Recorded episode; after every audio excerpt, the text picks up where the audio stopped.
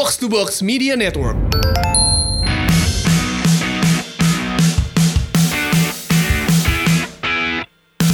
Box to Box Podcast hari Selasa atau hari Senin malam tayangnya akan membahas semua review pertandingan di Liga Champions dan juga review sedikit pertandingan yang terjadi di akhir pekan lalu. Apakah Arsenal bisa melewati tantangan dan lolos ke Liga Champions? Lengkapnya di Box to Box Podcast. Assalamualaikum warahmatullahi wabarakatuh. Akhirnya kita bertemu lagi di podcast uh, Box to Box dan masih bersama saya juga Justin. Pangi nyusul. Panggil nyusul tapi via telepon uh, via ini ya uh, pesawat telepon ya karena satu dan lain hal memang Pangeran Siani sudah izin untuk uh, tidak uh, bisa take uh, box to box karena sedang mengurusi asumsi dengan pilpres ya. Semoga habis pilpres dia bisa fokus lagi bersama kita dan kembali uh, berdebat dengan Coach Justin karena banyak netizen yang sudah uh, rindu dengan perdebatan kalian berdua Coach Justin. Benar? Bukan bukan begitu benar? Ah, debat sama sama Pangi itu hal yang ke, lebih kecil biasa. Gue gue nggak usah belajar atau persiapan atau freestyle aja kalau mau Pangi mah. Apa? Apa nubi ya? Dia nubi ya? Ini rookie. Rookie. Rookie. Belakang kupingnya masih basah. Coach gimana uh, akhir pekan Arsenal semalam uh, menang tipis 1-0 Gue Ya. nggak menyaksikan karena gue semalam tepar setepar-teparnya uh, Kartu merah Troy Dini Yang gue gua harap Troy Dini bisa memberikan kejutan Tapi langsung kartu merah Gol unggul Pertandingan 90 menit menurut Dan banyak uh, komen soal Ben Foster tuh Coach Em, gini ya, satu hal yang harus gue sampaikan dulu. Ini kan tinggal praktis 5 match lagi. Hmm, lima, Li- empat match, Liverpool ya. 4 match. Jadi untuk semua, bukan Arsenal aja, untuk semua tim enam besar itu permainan udah nggak penting lagi. Hasil akhir Hasil akhir karena si Kon sudah membuat seperti ini. Oke. Bahkan City pun demikian. Main jelek pun yang penting menang dan kalau sudah unggul mereka bertahan. Tapi kita harus paham karena the stake is very high. Oke. Jadi kita harus harus tahu bahwa kita nggak usah berharap main bagus dan lain-lainnya. MU pun tidak. Feeling gue kalau MU lawan siapa pun unggul satu mereka akan lebih bertahan. Masih. That's okay karena ini sangat penting sekali. Kita bicara masuk ke Champions League untuk empat tim itu income Iya pemasukan besar income yang luar biasa. Sebelum lu apa yang nendang bola lu udah dapat sekitar 40 jutaan. Jadi untuk tim-tim ini bahkan untuk tim selevel MU itu pun masih butuh duit. Kenapa? Karena itu tergantung pengeluaran musim depan. Jadi kalau mereka hitung-hitung seandainya seandainya MU tidak masuk Champions League, MU tidak akan bisa beli eh, pemain mahal-mahal kecuali mereka jual. Oke. Jadi untuk keempat tim ini sekali lagi ini sang untuk ke enam tim ini karena Li- Liverpool City pun juga ngincer juara. Untuk keenam tim ini sangat penting menang tiga poin. Yang terjadi adalah kita tidak akan melihat lagi feeling gue nggak akan melihat lagi pertandingan indah. Oke. Ugly win nih Kayak Ugly win. Kayak ketika kemarin United lawan West Ham walaupun Iya, emang betul. itu itu ugly win Iya. dan Arsenal semalam bisa dibilang ugly win kan. ugly win banget karena em, tapi gue salutnya dengan Unai Emery at least dia ini sebagai pelatih yang gue lihat ya dia tuh fleksibel dia tahu kelemahan pemain-pemainnya seperti apa dia tahu plus minus poinnya kemarin dia rubah biasanya akhirnya kan dia main 3-4-3 dan berapa kali clean sheet Iya. Kemarin dia rombak menjadi 4-3-3. Oke. 4-3-3 bermain not bad. Not not bad tapi nggak lebih apa namanya? eh, nggak lebih ba- bagus daripada Watford. Dalam arti Watford sangat mengimbangi karena tim kayak Watford ini kan apalagi mereka bermain di kandang sendiri lebih Dan bermain dengan 10 pemain lagi. Ya, nggak sebelum sebelum main. Mereka lebih mengandalkan agresivitas. Iya. Banyak Tipikal Watford lah ya. Tipikal Watford di kandang sendiri di depan fansnya. Terus terjadi eh, kartu merah yang sama sekali kalau gue bilang tolong. Tolol dengan capital letter T O L O L. Karena dalam posisi yang tidak terlalu bahaya, dia udah pasti nggak dapat bola. Troy Dini sama Torreira yang jelas-jelas Torreira lebih kenceng. Ya. Torreira pegang bola terus pakai sikut. Tapi untuk gue ya kemarin beruntung nggak ada VAR. Untuk gue memang ada gerakan sikut, tapi gue tidak melihat intensional untuk menyikut. Ya harusnya kartu kuning aja normal. Harusnya kartu kuning lebih cukup, tapi ya kesalahan ini kan di, hampir di tiap match terjadi. Tiap di tiap match ter, di di Liga Inggris terjadi karena mereka tidak memiliki VAR, terjadi banyak kesalahan yang atau keputusan wasit yang 50-50. But that's okay. 10 merah dapatlah si itu Ben Foster bola dari Jan Mat. Itu yang namanya kiper mediocre ya begitu. Ya ini juga salahnya Ben Foster tapi hebatnya Aubameyang juga nguber dapat satu gol bunuh diri. Habis itu kan selesai. Apa namanya? eh, Watford ketinggalan lebih agresif.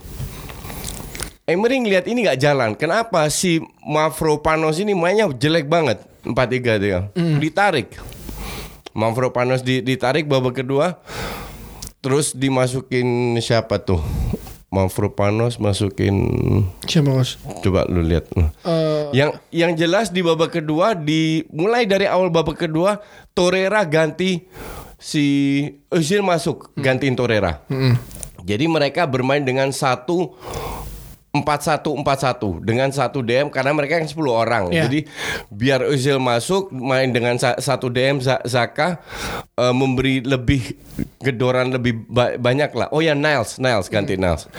Nah, pas itu berjalan ternyata si Watford ini tidak membangun serangan dari belakang. Jadi benar-benar crossing melangkahi skip lini tengahnya eh, Arsenal. Arsenal mau nggak mau tuh. mau nggak mau karena mereka nggak ada pilihan bermain 10 orang dan dan Arsenal sudah menurunkan Özil. Nah itu mulai nggak jalan juga tuh.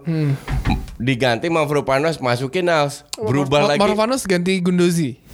Ogudosi masuk lagi. Oh ya M- Mkhitaryan di di kanan diganti lagi terus masuklah apa namanya dirubah lagi jadi 3-4-3 Gundosi main eh Uzil. Özil dan Mi- Miki keluar. Jadi di depan itu ada ada Iwobi, Auba sama Miki. Di tengah ada Özil, Ramsey, Gundosi sama siapa tuh? Ramsey itu diganti eh diganti sama Niles, ya? Ni- sama Niles. Ya Niles ya. Na- Niles Niles di di di kanan, Özil lebih ke kiri. Jadi terjadilah 3-4-3 di mana eh, si si apa namanya? si Emery berharap tetap bisa menyerang dibantu dengan Niles dengan sayap tapi juga kalau bertahan ada lima orang karena Watford praktis di babak kedua hanya main dengan long ball Ya. long ball. Memang tidak membuatkan gol, ta- tapi mereka mendapatkan beberapa peluang bagus. Walaupun Watford juga sekali syuting kena mistar, cuman praktis habis itu nggak nggak ada peluang lagi untuk Watford. Justru Arsenal dapat berapa peluang dan Mkhitaryan mainnya bapuk banget tuh. anyway, ini bukan permainan yang indah, permainan yang sangat oportunis di mana Arsenal kemarin kalau gue bilang ber- berdasarkan karena 10 lawan 11 layak menang 11 eh, apa namanya 1-0 dan this is what they need. Di sini Arsenal membuktikan bahwa mereka juga punya fighting spirit tinggi, mereka bisa eh, bermain untuk angka, tidak hanya bermain indah dan kebobolan dan cetak gol banyak, tapi murni mempertahankan kemenangan kembali lagi clean sheet. Ya, ini menarik juga kalau ngeliat di urutan eh, 3, 4, 5, 6 Perebutan uh, Liga Champions sangat keras sekali Chelsea 34 pertandingan Poinnya 66 uh, Spurs uh, itu 67 Arsenal 66 uh, Sedangkan Man United 64 Ini tipis semuanya. Yang menurut gue menarik adalah ketika Chelsea membuang-buang peluang mereka Untuk mengamankan posisi Liga Champions ketika melawan Liverpool.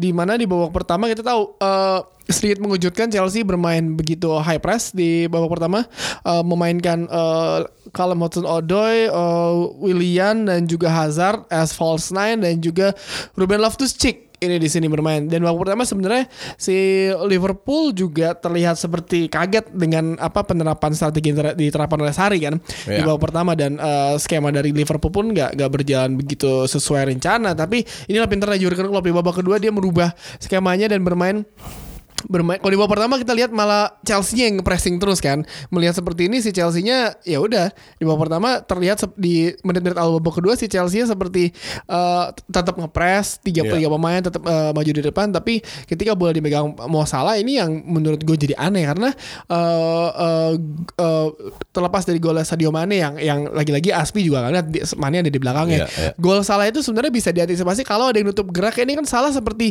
didieminnya ah Mo Tak- Salah Tapi nggak bisa gitu juga Tio karena jaraknya itu jauh banget. Iya, jaraknya Ja- ja- jauh. jadi gue paham untuk di defender biarin aja karena jarak oh, se- seorang defender pun siapa pun tidak akan menyangka bahwa dia akan cetak gol dari situ. Ya pasti kan tendangan splashing tapi kan maksud gue at least bisa diganggu nih yang yang yang yang megang bola adalah Bia- Salah ya kan. Biasanya kalau lu dari jarak situ lu melakukan crossing. Ya. ya kan dan ini tidak dilakukan dari dari syutingan kayak gitu mungkin mungkin 50 kali syutingan sekali masuk.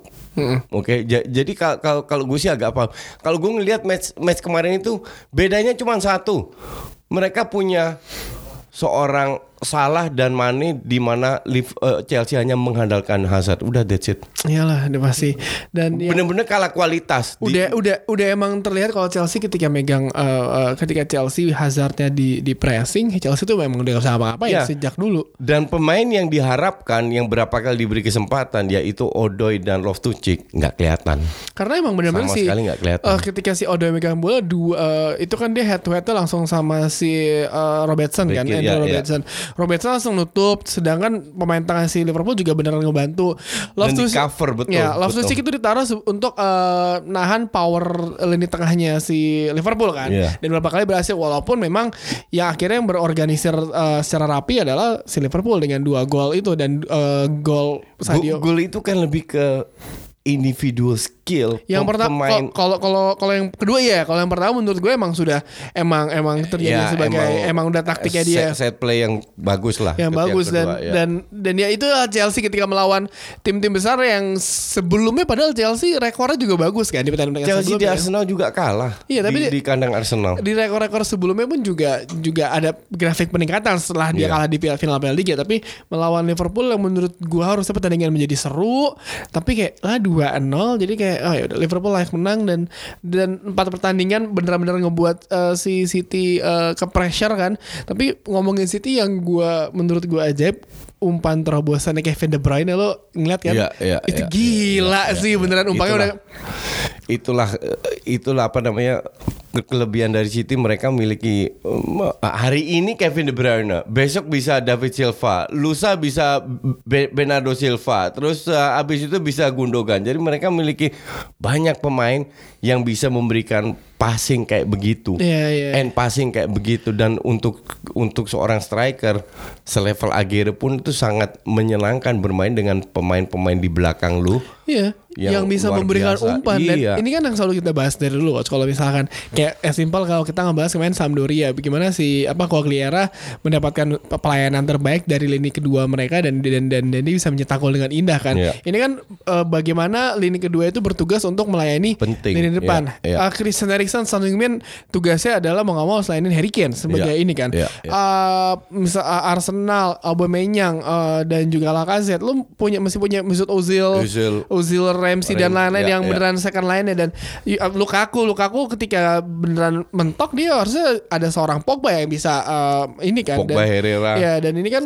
terlihat uh, bagaimana peran walaupun terlihat seperti invisible player ya kan.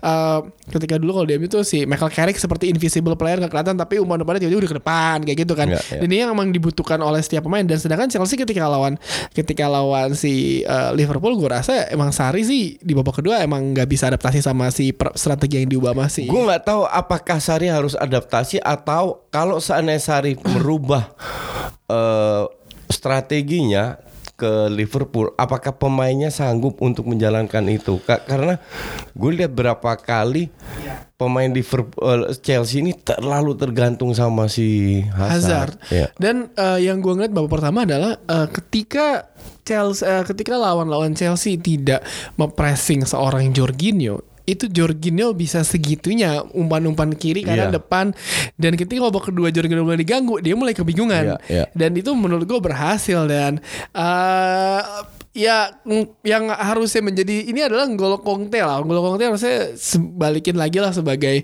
natural DM, defensive midfielder ketika dia ketika mereka juara dan ketika mereka juara eh, ketika Conte juara sama Leicester sama juara Chelsea pasti bawa Conte juga kan. Jadi sepertinya ya harusnya sih Sari sedikit mengubah di tengah. Di depan kan tidak bisa bekerja maksimal kalau tidak ada umpan-umpan dan Hazard pun nggak bisa bekerja sendirian. Yang kemungkinan kemungkinan besar feeling gue sih Hazard pindah sih akhir musim nanti sih. Enggak yang jadi masalah kan Chelsea masih kena transfer ban. Walaupun mereka lagi banding dan kalau seandainya mereka seand- seandainya mereka tidak kena ban ba- banding dikabulkan di kas baru Hazard akan pindah. Tapi kalau enggak feeling gua Hazard pun enggak tega untuk ninggalin Chelsea eh, Tapi kalau mis- ya gitu. tergantung sama posisinya apakah dia masuk Champions League apa enggak juga kan coach. Kalau misalkan dia masuk Champions League pasti enggak kan sih itu kan ka- kalau selevel Hazard mah tapi- tergantung gaji men. Iya, mm, tapi kalau gue jadi hasil sih gue pilih tim yang bisa uh, memberikan gue level kenyamanan dan Iya, juga- tapi itu kan kalau sean- seandainya dia nggak masuk Champions League, next year dia akan main. Ini cuma just one year yang dia nggak ikut. Walaupun musim, nggak nggak. Eh, dua musim, musim ini kan dia main Champions juga. Oh iya dua, udah, udah, udah dua musim ya. Udah dua Iya, musim iya, bos. Oke. Itu dia pasti dia udah mikir kan. Tapi ya apa pun itu uh, Chelsea tetaplah Chelsea dan kalau kita ngelihat Chelsea di kena transfer ban, kena transfer ban itu kan dia masih punya 21 pemain yang dipinjamkan yang bisa dibalikin lagi kan. Yang Iya. yang yang sekarang di di menimba ilmu di divisi Championship, uh, di Liga Belanda, Liga Italia banyak sih semuanya tapi Chelsea tetaplah Chelsea, Liverpool sedang benar-benar menekan uh, uh, Man City walaupun uh, one game in hand. Uh, City ini yang ini yang menurut gue menjadi polemik tersendiri bagi para fans MU nih coach, karena ini karena nih ya uh, City itu kuncinya adalah ketika melawan United, ketika melawan United. Uh, City nggak boleh kalah, apalagi imbang. Mau nggak mau mesti menang. Bedanya sekarang dua poin masalahnya. Ta- tapi apakah Walaupun di atas kata City bakal menang. Liverpool away itu tidak sebagus pada saat mereka main di kandang? I loh? know, tapi kan seperti lu bilang, ini kan udah masuk-masuk akhir, ugly win no, is no problem ya kan? Iya. Ugly, win, ugly win no problem. Lu menang dengan cara buruk, cara sebangsat apa pun, yang penting lu 3 poin. Liverpool tinggal 3 4 pertandingan lagi, eh, City masih ada 5, eh, Spurs 5, Chelsea ada 4. Jadi kan ini kan tinggal gimana cara mereka memaksimalkan sedangkan MU sendiri mesti ketemu Chelsea. Jadi uh, ntar mau tuh Barcelona, Barcelona Chelsea Iya. di, di di Premier League.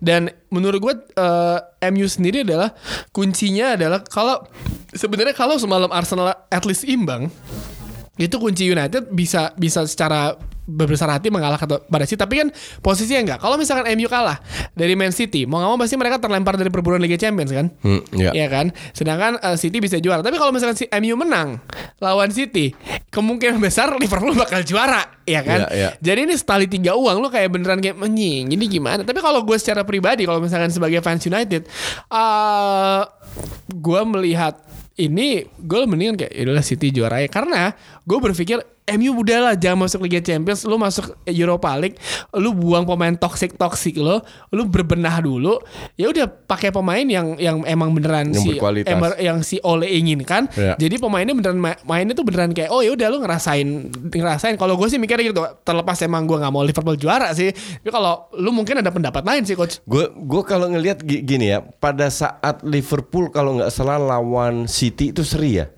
Liverpool iya seri seri Eh, iya, seri. eh, iya iya iya. Ah, seri pas Pul- iya Seri seri. Liverpool lawan City itu seri karena gue tidak melihat City itu berani mengambil risiko dan bermain all out. Sekali lagi mereka juga hitung-hitungan sa- sama kita. pastilah pasti Iya kan? Heeh. Maka dari itu gue bilang they will do everything to win the rest of the match. Termasuk lawan eh, MU akan mereka lepas. Oh, sorry, akan mereka mengambil risiko lebih banyak tidak seperti pada saat mereka bermain lawan Liverpool. Iya. Karena mereka tahu mereka harus menang. Maka dari itu mereka akan dan kalau mereka benar-benar tampilnya agresif, feeling gue sih MU kalah. Karena di atas kertas emang kalau ngelihat gimana cara main City kemarin lawan si Crystal Palace sih itu gila sih dan di pertandingan selanjutnya ini eh, si sorry si City itu bakal ketemu Spurs Iya. Di Liga Inggris, Di Liga, Liga Inggris, Champions ya, iya. Liga Inggris juga. Ini juga juga tricky nih, di mana fans Arsenal, MU sama Chelsea ngarep emang City ngalahin Spurs, ya Iya. kan? Biar poinnya uh, biar makin rapat. Ini iya, men- menurut iya. menurut gue menurut gue musim ini Premier League urutan 1 2 lu punya dunia sendiri, urutan 3 4 perebutan itu juga punya dunia Iya. sendiri dan Ya betul memang. dan ini dan menarik dan uh, kalau kita lihat uh, oke kita bahas City ketemu Spurs terus uh, ada Arsenal ketemu Palace Cardiff ketemu Liverpool Everton ketemu Chelsea ketemu United ini juga tricky semua dan yang Di paling kandang Everton Nah, ya. dan yang paling menarik adalah gue mau ngelihat Cardiff ini kan lagi butuh poin setelah dua kali dicurangin Iya. setelah dua kali dicurang uh, kayak kontroversial Iya, wasit iya, lah ini lah iya, lawan iya, Chelsea iya. itu dua orang offside di, di kata gol lawan Liverpool Cardiff lawan Liverpool Neil Warnock mau ngomong kan mesti nge-push anak-anak kayak gue butuh poin untuk lolos dan Iya. biasanya tim-tim re- apa relegasi gini semangatnya 2000 kali Bi- lebih. Iya, bisa memberi kejutan. Apalagi mereka bermain di kandang Di kandang, sendiri. heeh. Ma- ma- maka dari untuk gue itu Liverpool jangan ngelihat programnya lebih enteng, terus lu auto menang belum tentu. Enggak. Lawan Chelsea gue mal gua- Mereka sering kehilangan poin away kok. Nah, gue lebih lebih lebih khawatir sama Liverpool ketika lawan tim-tim besar. Lawan tim-tim kecil tuh mereka suka kesulitan, Iya, kesulitan betul. mendadak mendadak aneh. Plus mereka eh, mereka juga main lawan Porto kan. Nah, lawan Porto walaupun mereka ada eh, dua gol di kandang mereka tapi yang lawan Porto. Setidaknya kalau misalkan Porto bermain imbang, tapi kan memberikan perlawanan dan dan kita nggak tahu kan gimana na- na- eh, rasanya jadi pemain Liverpool yang lo seminggu ini main tiga kali dan dalam jangka waktu yang cepat tensinya juga tinggi ya kan dan harapan para fans Liverpool juga pasti kan ya udah nih gue pasti bisa juara jadi ini menurut gue sisa liga wah anjing seru banget sih ini sisa Iya, liga ini seru, sih. setuju. seru banget jadi kita saksikan aja ntar akhir pekan nanti bagaimana nih eh, kejadiannya karena abis ini kita akan bahas Liga Champions bersama Pangeran Sian tapi lewat telepon.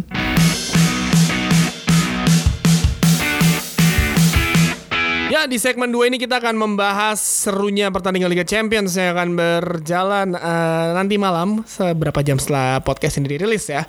Dan tadi udah ada Justin yang ngomong karena tadi Justin eh, ngomong kalau debat sama Pangeran tuh nggak nggak butuh belajar dia ya kan. Freestyle. Freestyle aja, mendingan Justin ngobrol sama Pangeran langsung, nge. Gimana nge?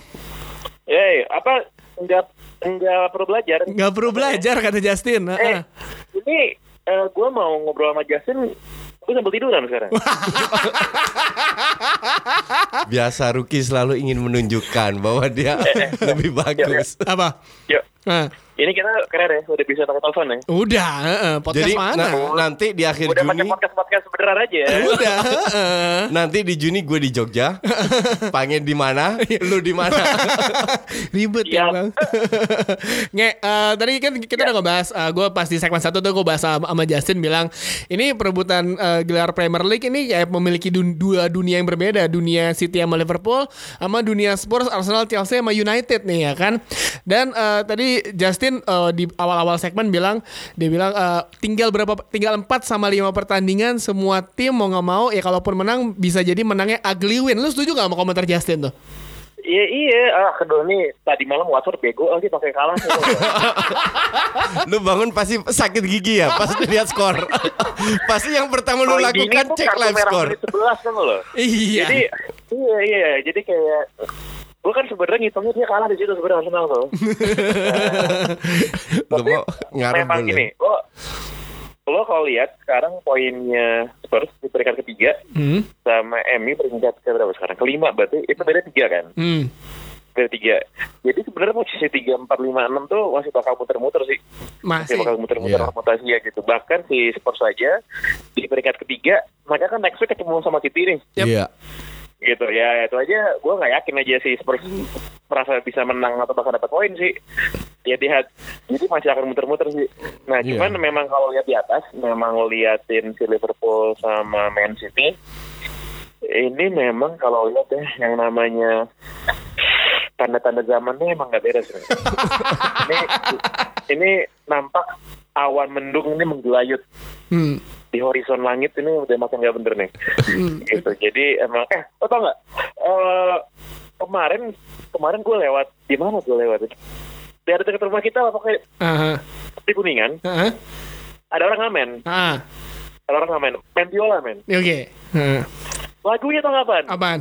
lagunya itu The Fields of Elfield Road men itu wah itu parah banget menurut gue kayak wah ini Ini udah tanda-tanda makin Jet.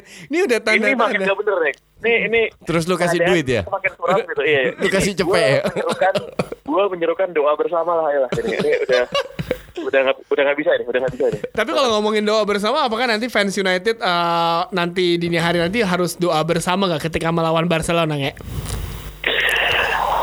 Eh, kita bermawas diri, jadi kita menekankan diri kepada Halik, kepada, kepada sang maha kuasa gitu.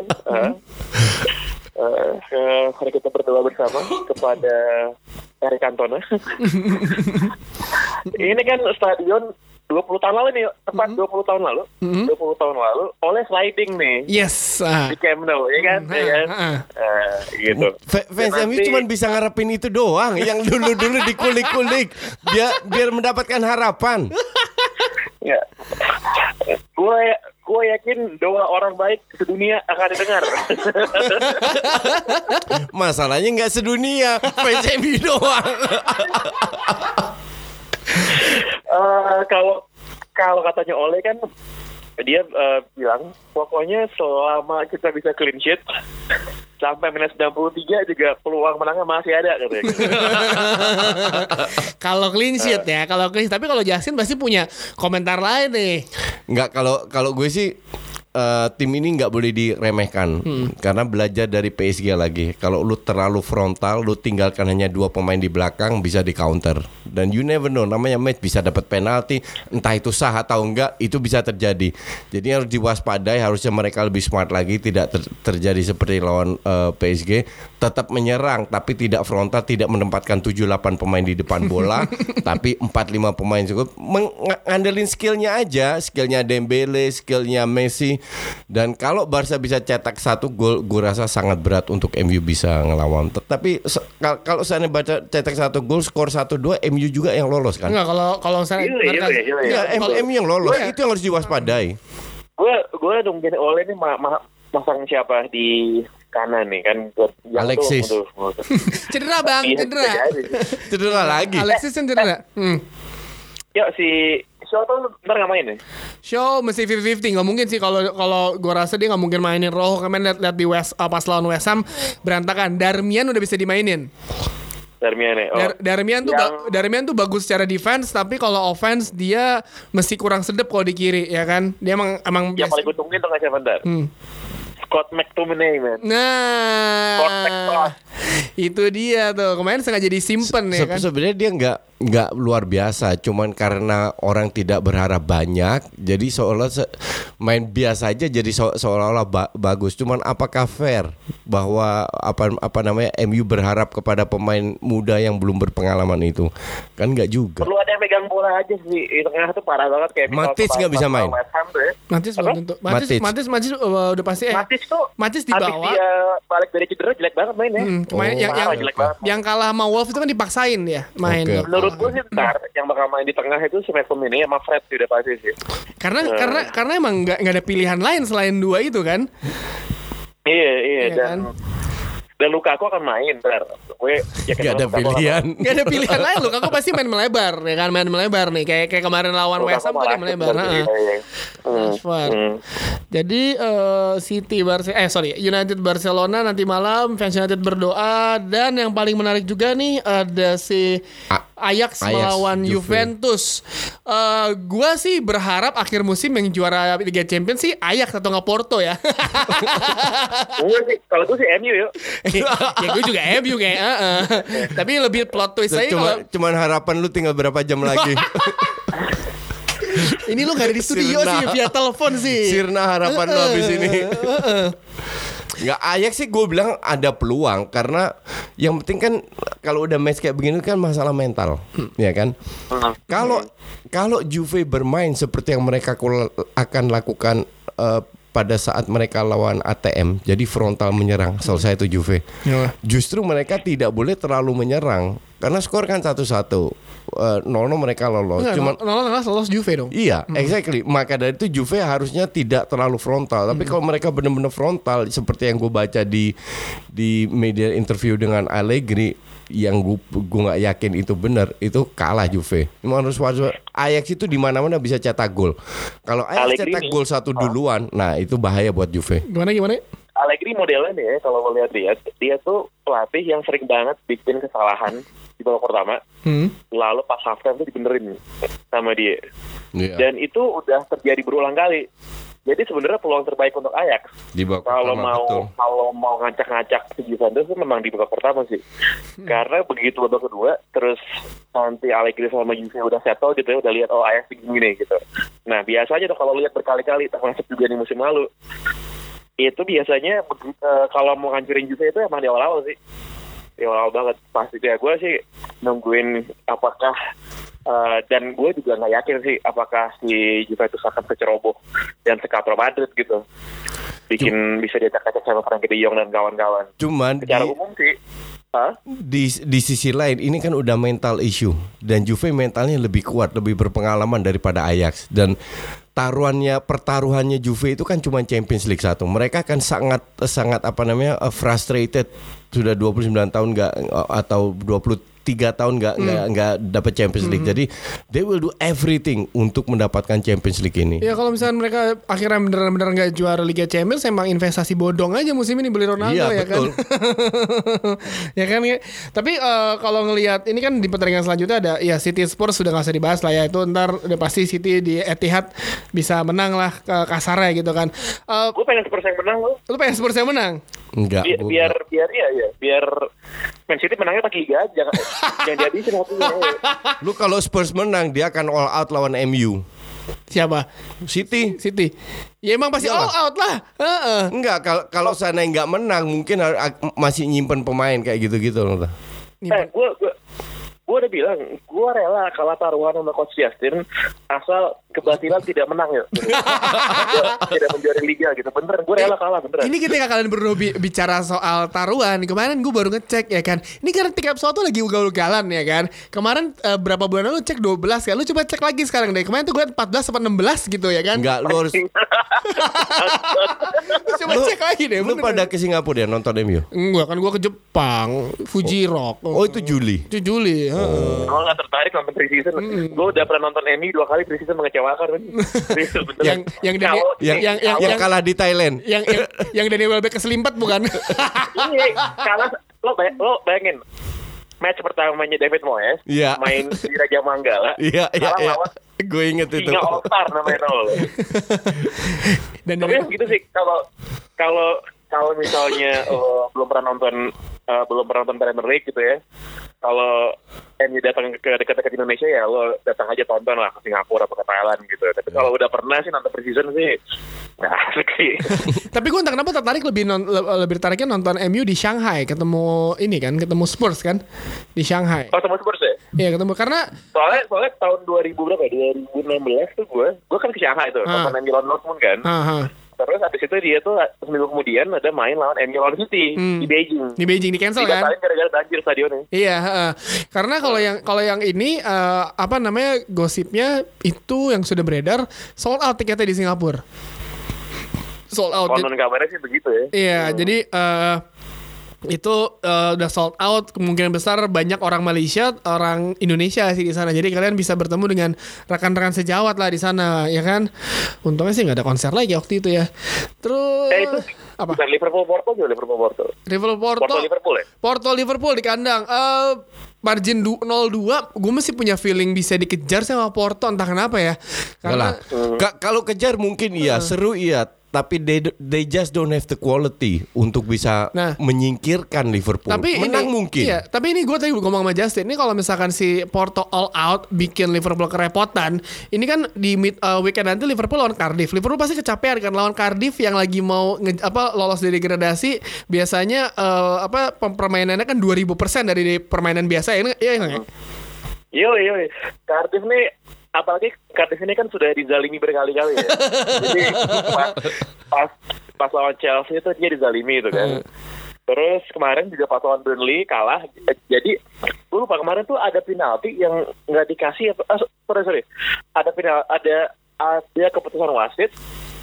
Yang pas lawan Chelsea yang dua dua pemain offside. Nggak nggak nggak. Pas kemarin pas lawan Burnley juga. Oh, ada lagi ya Burnley. Jadi, jadi ada wasit mengubah keputusannya terus dibalikin lagi. Hmm. Itu si Neil Warnock mukanya udah kayak gila udah udah udah udah merah banget gitu di di eh, pinggir lapangan. Nah, kan dia kan biasanya kan kalau orang yang dizalimi berkali-kali gitu kan akan menemui kemenangan kan di ujung kan. Iya, iya, gitu. benar-benar. Jadi kita lihat aja wah, hari Minggu tuh sama kartis. Iya, Neil Warnock orang baik ya kalau kata anak box out ya. Neil Warnock orang baik ya, ya kan? Neil Warnock orang baik. Ini, ya. Neil Warnock satu periode lagi. Satu musim lagi. Ada lagi yang mesti mesti belum kita bahas nih coach. Eh, nge? Gak ada cukup. Nah, ada eh, Yang jelas gue nggak gue apa namanya gue begadang habis nonton itu gue nggak tidur jam bikin video lu ya? seteng- setengah tujuh langsung capcus Oh ke mana sih? ke TPS. Jadi eh, saran gua buat kalian berdua ini kan tinggal tiga eh empat sama lima pertandingan lagi nih. Coba-cobalah kalian itu cek lagi siapa tahu ada eh, apa namanya lagi flash sale di semua semua airlines ya karena ini tiketnya kalau dicek 12 juta ke atas sih pulang pergi ya Nah, kan. ka- kalau gue kalah, gue tunggu itu eh, apa namanya travel fair. kapan? Berangkatnya kapan? Ya kan? Udah. Kalau gitu eh, ini ada pesan Oke. ada pesan-pesan? Apa eh, pesan-pesan?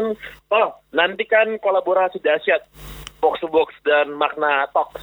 Iya. di Trendo. mantap. Ya kan? Kalau gitu. Oke sampai jumpa. Jangan lupa Oke, yuk. datang ke TPS jangan golput. Bye bye